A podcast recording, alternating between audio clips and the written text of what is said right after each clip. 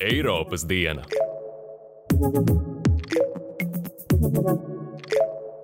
Sveicināti Eiropas dienā! Es esmu Monika Cālīte. Šajā epizodē padziļināti pievērsīsimies divām ar Eiropas Savienību saistītām tēmām. Pēc nepilniem sešiem gadiem viena Latvijas pilsēta varēs lepoties ar Eiropas kultūras galvaspilsētas 2027 titulu. Lai gan varētu šķist, ka notikums vēl ir tālu, gatavošanās jau rit pilnā sparā, un notiks arī visu šo laika periodu. Par Eiropas kultūras galvaspilsētas nozīmību un ieguvumiem iztaujāja Eiropas parlamenta deputāti Daci Melbārdi. Pētījumi faktiski uzrāda to, ja pilsēta ir bijusi veiksmīga ar savu ārējo tēlu veidošanu, savu mārketingu, tad tās turismu plūsmas un interesi par pilsētu ir, ir noturīgi vēl ilgi pēc Eiropas kultūras galvaspilsētas titula jau tā kā teikt nolikšanas. Otrs temats, ko aplūkosim, saistīts ar Eiropas Savienības stratēģiju attiecībām ar Krieviju. Nedrīkst piekāpties Krievijas pašreizējai agresīvajai politikai, taču vienlaikus nepieciešams likt pamatus sadarbībai ar demokrātisko valsti, par kādu tā varētu kļūt nākotnē, pauž Eiroparlamenta deputāts, kādreizējais Lietuvas premjers Andrius Kubļus. Tā Krievija, ko vada prezidents Putins, kļūst par lielāko draudu Eiropas ģeopolitiskajai drošībai. Tāpēc mums ir nepieciešama daudz skaidrāka stratēģija, kā palīdzēt Krievijai transformēties. Vēsture mums māca, ka patiesībā arī Krievija ir Eiropas valsts, un Krievijas tauta var palīdzēt atgriezt demokrātiju.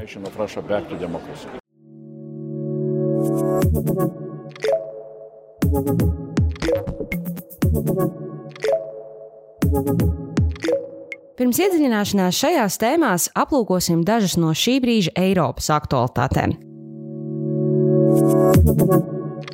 Eiropas komisija nākusi klajā ar vērienīgu tiesību aktu priekšlikumu kopumu, lai stiprinātu Eiropas Savienības noteikumus par noziedzīgi iegūtu līdzekļu legalizācijas un terorisma finansēšanas novēršanu. Tā kā liela apjoma skaidrs naudas maksājumi ir viegls veids, kā noziedznieki var legalizēt nelikumīgi iegūtus līdzekļus, Eiropas komisija rosinājusi noteikt Eiropas Savienības mēroga ierobežojumu lieliem skaidrs naudas maksājumiem līdz 10 tūkstošiem eiro. Tāpat paredzēts aizliegt anonīmu kriptoaktīvu maku izsniegšanu. Eiropas komisija arī piedāvājusi izveidot jaunu Eiropas Savienības aģentūru naudas atmazgāšanas apkarošanai. Komisāri pauž, ka veicot šos pasākumus, Eiropas komisija pilda savu apņemšanos aizsargāt Eiropas Savienības iedzīvotājus un finanšu sistēmu.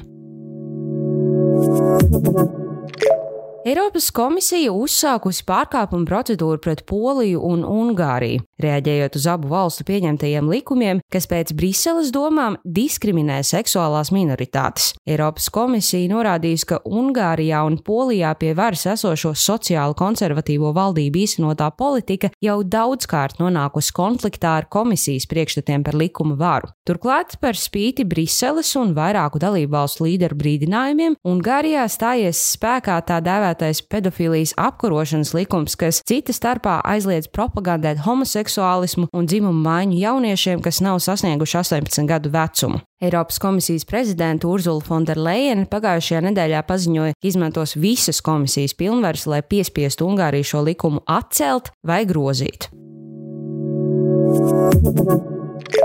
Eiropas parlaments pieņēmis pagaidu regulējumu, kas ļaus interneta pakalpojumu sniedzējiem turpināt brīvprātīgi apkarot pret bērniem vērstas seksuālas vardarbības atspoguļošanu tiešsaistē. Secināts, ka pandēmijas laikā internetā parādās arvien vairāk tādu materiālu, kuros atspoguļot vardarbību pret bērniem. Līdz ar to parlaments pieņēmis regulu, kuras mērķis ir efektīvāk aizsargāt bērnus pret seksuālu vardarbību tīmekļa, e-pasta, tiešsaistes, tērzētavu un ziņapmaiņas vidē. Jaunās regulas darbības termiņš ir ierobežots. Tā būs spēkā ne ilgāk kā trīs gadus. Ja šajā laikā tiks izstrādāts un pieņemts pastāvīgs tiesiskais regulējums cīņai pret bērnu seksuālu izmantošanu tiešsaistē, šīs regulas darbību varēs izbeigt arī ātrāk. Jaunie noteikumi gan nenosaka to par obligātu pienākumu, bet paredz, ka tīmekļa, e-pasta, tiešsaistes tārzēta un ziņapmaiņas pakalpojumu sniedzēji varēs brīvprātīgi turpināt apzināt un izņemt saturu, kuru atspoguļot seksuālu vardarbību pret bērniem un ziņot par šiem konstatējumiem. Pakalpojumu sniedzēji varēs vērsties arī pret pārdarītāju centieniem tiešsaistes vidē, izveidot emocionālu saikni ar bērnu un ziņot par aizdomīgiem gadījumiem tiesība aizsardzības un tiesu iestādēm vai organizācijām, kas sabiedrības interesēs cīnās pret bērnu seksuālu izmantošanu.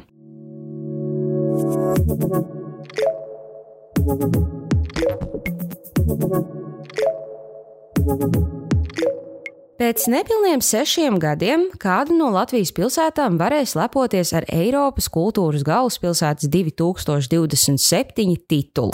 Lai gan varētu šķist, ka notikums vēl ir tālu, gatavošanās jau rit pilnā sparā un notiks arī visu šo laika periodu. Cīņai par Eiropas kultūras galvaspilsētas 2027 nosaukumu bija pieteikušās deviņas Latvijas pilsētas - Cēsis, Daugaupils, Jelgava, Jēkabpils, Jūrmala, Kuldīga, Liepāja, Ogra un Valmiera. Nesen paziņot pirmās kārtas uzvarētāji, kas turpinās cīņu arī nākamajā kārtā. Tās būs Daugaupils, Jūrmala, Liepāja un Valmiera. Titula nominantus vērtē neatkarīga ekspertu grupa, kur veido Eiropas parlamenta, Eiropas Savienības padomes, Eiropas komisijas un Eiropas reģionu komitejas atlasīti eksperti, kā arī divi nacionālie eksperti. Tālāk minētās pilsētas sacensties konkursu otrajā kārtā, kas norisināsies nākamā gada pavasarī. Līdz tam pilsētām savu pieteikumu būs jānoslīpē un jāpadara daudz detalizētāki. Tad žūrija atkal tiksies, lai tos izvērtētu un lemtu, kura no šīm pilsētām varēs lepoties ar Eiropas kultūras galvaspilsētas godu.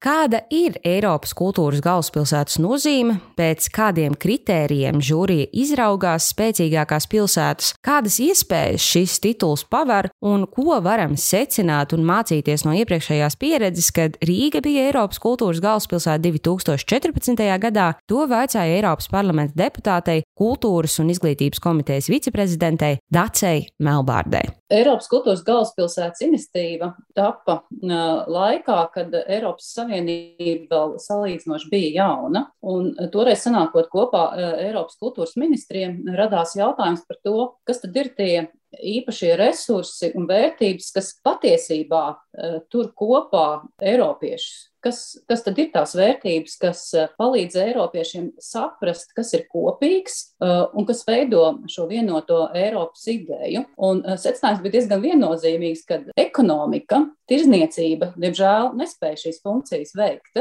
Tāpēc Eiropas Savienības sadarbībā ir jādomā par jaunām dimensijām. Un tā kā pakāpeniski Eiropas Savienības dienas kārtībā ienāca kultūra, un šī Eiropas kultūras galvaspilsētas institīva, tas saukumā saucās vienkārši Eiropas kultūras galvaspilsēta, Eh, kļuva par tādu karognesi eh, arī tādai Eiropas Savienības nākotnes eh, kultūras politikai. Un kopumā Eiropas kultūras galvaspilsētas institīvas mērķis ir tad, tad stiprināt piedarību Eiropas Savienībai, veidot izpratni par kopīgo Eiropas kultūras telpu. Un pakāpeniski nāca klāt arī otrs būtiskais mērķis ir parādīt kultūras spēku attīstības procesos, īpaši tajos procesos, kas sākas pilsētās, vietējo kopienu līmenī. Ko kultūra var darīt vairāk, ne, tikai kā mākslas izpausme vai kā mantojuma izpausme, kā kultūra ar savu radošo spēku var ietekmēt uh, citus attīstības procesus, gan ekonomiku, gan sociālo uh, līdzdalību. Uh, gan vidas jautājumu risināšanu, transporta jautājumu risināšanu un tam līdzīgi.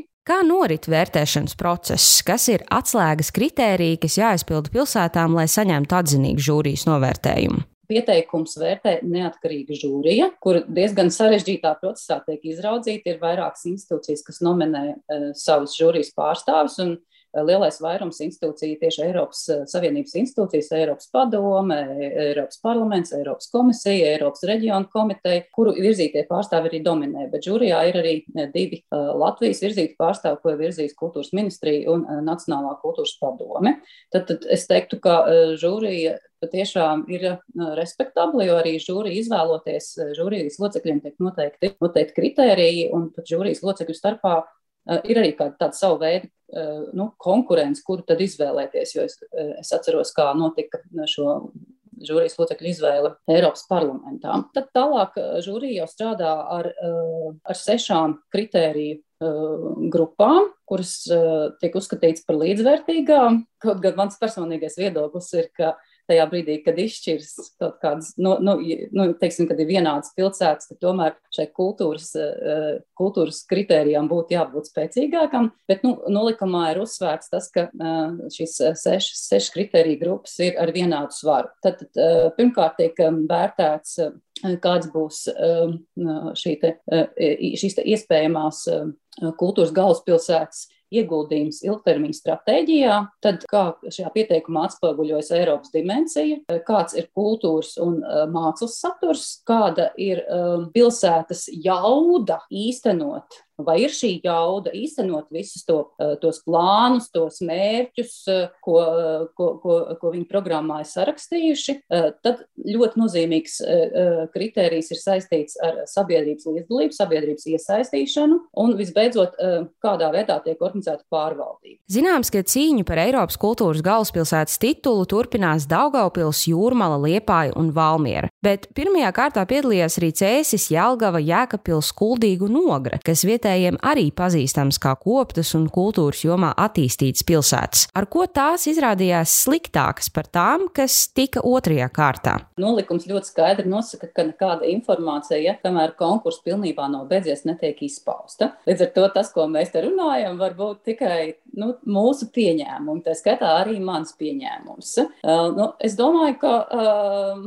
mans pieņēmums ir tas, ka žūrija ņēma vērā pilsētas uh, izaicinājumus nu, tādā uh, Eiropas Savienības kontekstā. Un, un, jo, jo tas, ko grib redzēt žūrija, nu, es esmu dzirdējis iepriekšēju žūrijas pārstāvu viedokļus, viņi negrib redzēt tikai skaistas. Uh, sakoptas eh, pilsētas, kurām ir visi gludi, jauki, forši, nav nekādu problēmu, vai kuras neatklāja savas problēmas, un kurām patiesībā ar kultūras dzīvi viss ir pilnīgā un absolūtā kārtībā. Tas, ko žūrija bieži vien grib redzēt, viņas grib redzēt atklātu sarunu par uh, pilsētas problēmām un izaicinājumiem, un patiesībā dažkārt pat jo sarežģītākas tās problēmas un sarežģītāka tā situācija, jo labāk, bet pie nosacījuma, ka programma, kas tiek piedāvāta, kā pārmaiņu programma, kas parāda šo kultūras spēku, patiešām ir laba un pārliecina, ka, ka tā var ienest būtiskas izmaiņas eh, šajā pilsētā nu, piemēram, ja lūkojos uz Daugopilu, tad man liekas absolūti ideāls materiāls, eh, kur strādāt ar kultūru, ar kultūras stratēģiju. Protams, ka pilsēta ir ārkārtīgi interesanta un tur ir eh, ļoti daudzveidīga eh, un dažāda kultūras telpa un vēsture un tam līdzīgi, bet te pašā laikā mēs zinām, ka arī ļoti daudz izaicinājumu un, un, un, un izaicinājumu arī tādā nu, reģionālā nozīmē, ka mēs runājam par visu Latgali. Tā kā nu, es kā, kādā mērā saprotu, ka šī, ka šī pilsēta var būt ļoti interesanta un ja tā spēja, spēja piedāvāt jau jaudīgu programmu, tad žūrija var redzēt, jā, ka tur patiešām ir tāds potenciāls, ka tur varbūt ir tā Eiropas kultūras galvaspilsēta programma, var tiešām atnest eh, tādas lielas pārmaiņas, par ko var runāt Eiropas plašākā mērogā. Tiek sagaidīta ļoti drosmīgas un oriģinālas idejas. Ka, negrib, ka, ka žūrija negrib dzirdēt kaut ko līdzīgu, kas ir tāds, ka tas kaut kur jau ir bijis. Tad, tad eh, kaut kādu no, nozīmīgu lomu noteikti nospēlē arī ide, idejas kaut kāds pilnīgi tāds uh, negaidīts uh, pavērsiens un kaut kas tāds pilnīgi uh, jauns un svaigs.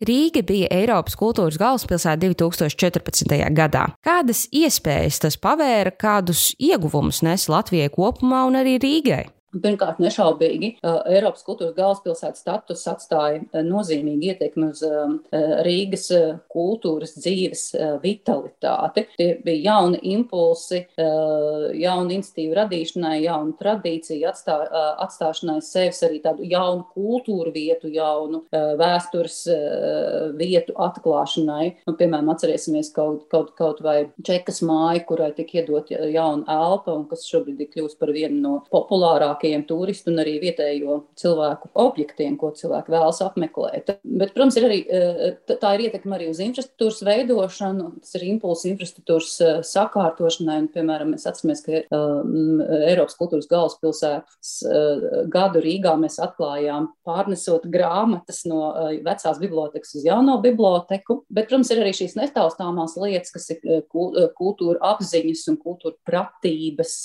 stiprināšana, um, ar, arī plašāks, plašāku auditoriju uh, ieinteresēšana kultūras jautājumos, kas ir ļoti būtisks uh, Eiropas kultūras galvaspilsētas vērtēšanas kritērijs. Un, protams, arī šī starptautiskā atpazīstamība, ko pilsēta iegūst pateicoties tam, ka viņi veselu gadu atrodas nu, starptautiskās sabiedrības fokusā. Tā, nu, trešā dimensija, protams, ir saistīta arī ar sociāliem jautājumiem, iedzīvotāju līdzdalību sadarbība, kopienu veidošana. Man liekas, ka Rīgā lieliski bija tas, ka tika iesaistīts apkaimes, pieaug turismu plūsmas, kas, protams, ienes līdzekļus un dod impulsus jaunu pakalpojumu radīšanā. Protams, iegūmi ir vietējiem uzņēmējiem, kas, kas labāk var pārdot savus pakalpojumus, savus produktus un arī ņemot vērā to to, ka notiek daudz un dažādi pasākumi, tad ir, viņiem ir iespēja arī pretendēt uz pakalpojumu sniegšanu tieši arī organizatoriskā, nu, lai, lai, lai, lai, lai pasākumu notikumi varētu notikt. Nu, pētījumi faktiski uzrāda to, ja pilsēta ir bijusi veiksmīga ar savu ārējo tēlu veidošanu, savu mārketingu, tad tās turismu plūsmas un interesi par pilsētu ir, ir noturīgi vēl ilgi pēc Eiropas kultūras galvaspilsētas titula jau tā kā teikt nolikšanas. Priekšā vēl nepilni seši gadi, vai tik daudz laika arī nepieciešams, lai sagatavotos kļūšanai par Eiropas kultūras galvaspilsētu? Cik apjomīgi ir sagatavošanās darbi? O, jā, protams, tas sagatavošanās laiks, lai kļūtu par Eiropas kultūras galvaspilsētu, ir eh, ļoti nopietns. Un patiesībā tajā brīdī, kad pilsēta saņem šo apstiprinājumu, ka kļūs par Eiropas kultūras galvaspilsētu, Viņi sāk šo gatavošanos procesu, jo ir jau vairākas lietas, kur patiešām ir nepieciešami eh, nu, tādi steidzami un ārkārtēji ieguldījumi. Vai tā ir infrastruktūra, kas ir jāmodernizē un jāuzlabo, vai, piemēram, tie projekti, kas ir jāsagatavo, ja mēs ja gribam piesaistīt šo starptautiskos uh, finansējumus, tad, protams, ir laicīgi jāstrādā pie tā, ka šie projekti tiek gatavoti, tur jāstrādā starptautiskiem partneriem, šie projekti visi jānoformē, viņi laicīgi jāiesniedz, tad ir jāgaida, kad, kad atnāk atbildi un tā tālāk. Tā kā darbs, protams, ir, ir liels un daudz lietas ir jādara, jādara iepriekš. Savas prognozes par to, kura no Latvijas pilsētām kļūs par Eiropas kultūras galvaspilsētu, Melbārdi gan vairās nosaukt. Turēšu īkšķi par visām četrām pilsētām. Man uh, ir prieks, pirmkārt, jo man ir prieks par visām deviņām pilsētām, kas piedalījās, uh, par to, ka viņas uzrīkstējās un, un, un, uh, un, un uzsāk šo darbu. Un, uh, ļoti daudz jau bija jāizdara arī, lai pieteikums iedotu. Uh, bet, protams, ir prieks par četrām, kas iet tālāk, zinot to, um, nu, cik interesants ir pats šis process. Tas, tas ko es gribu uzsvērt, ka, ka pati šī gatavošanās un piedalīšanās ir ļoti vērtīga uh, pašai pilsētai, tās iedzīvotājiem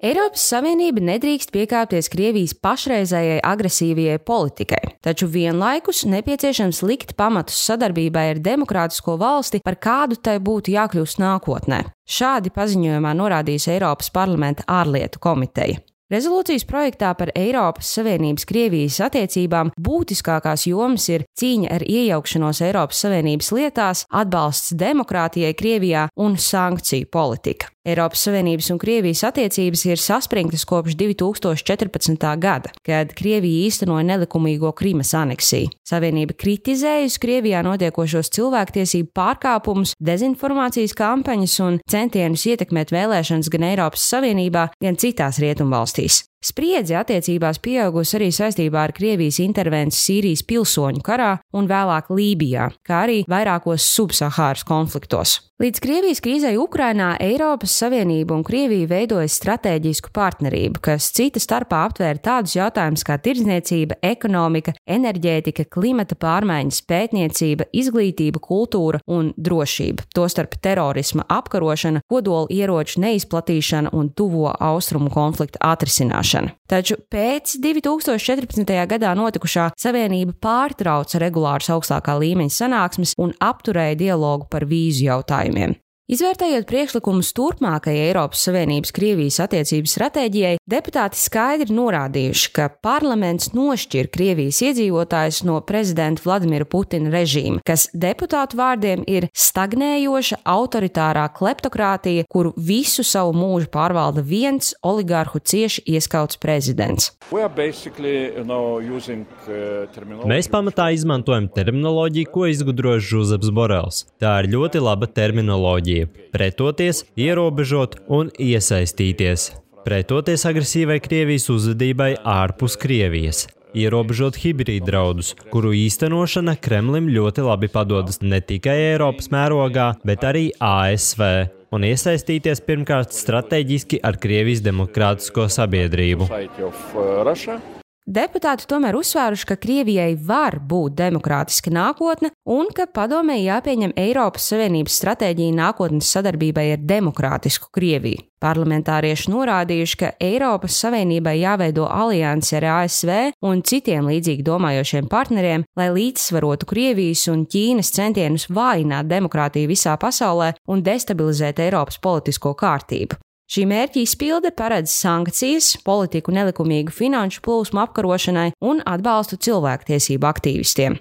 Jau jūnija beigās Eiropas Savienības sūtņi vienojās pagarināt ekonomiskās sankcijas, kas Krievijai tika piemērotas 2014. gadā pēc Krīmas okupācijas. Sankcijas vērstas pret Krievijas finanšu, enerģētikas un aizsardzības nozari. To mīkstināšana vai atcelšana ir piesaistīta tā dēvētās Mīnskas miera vienošanās izpildē. Tā Krievija, ko vada prezidents Putins, kļūst par lielāko draudu Eiropas ģeopolitiskajai drošībai. Tāpēc mums ir nepieciešama daudz skaidrāka stratēģija, kā palīdzēt Krievijai transformēties. Vēsture mums māca, ka patiesībā arī Krievija ir Eiropas valsts, un Krievijas tauta var palīdzēt atgriezt demokrātiju.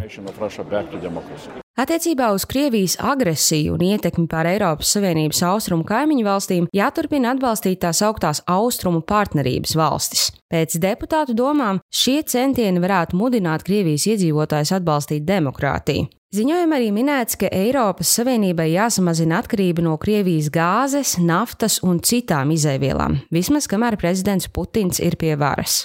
Eiropas zaļais kurs un atbalsts jaunu resursu ieguvēji spēlēs izšķirošu ģeopolitisko lomu šī uzdevuma veikšanā, kā norādījuši deputāti. Parlamentārieši arī akcentējuši, ka Savienībai jāstiprina spēja atmaskot un apturēt netīras naudas plūsmas no Krievijas, kā arī atklāt Krievijas režīma autokrātu un oligarhu resursus un finanšu aktīvus, kas paslēpti Eiropas Savienības valstīs. Balsojumā šos priekšlikumus atbalstījuši 56 deputāti, kamēr 9 bijuši pret, bet 5 atturējušies.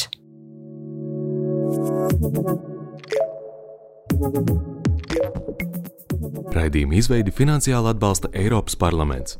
Par raidījumu saturu atbildīgi tikai tā autori, un Eiropas parlaments nav iesaistīts tā sagatavošanā.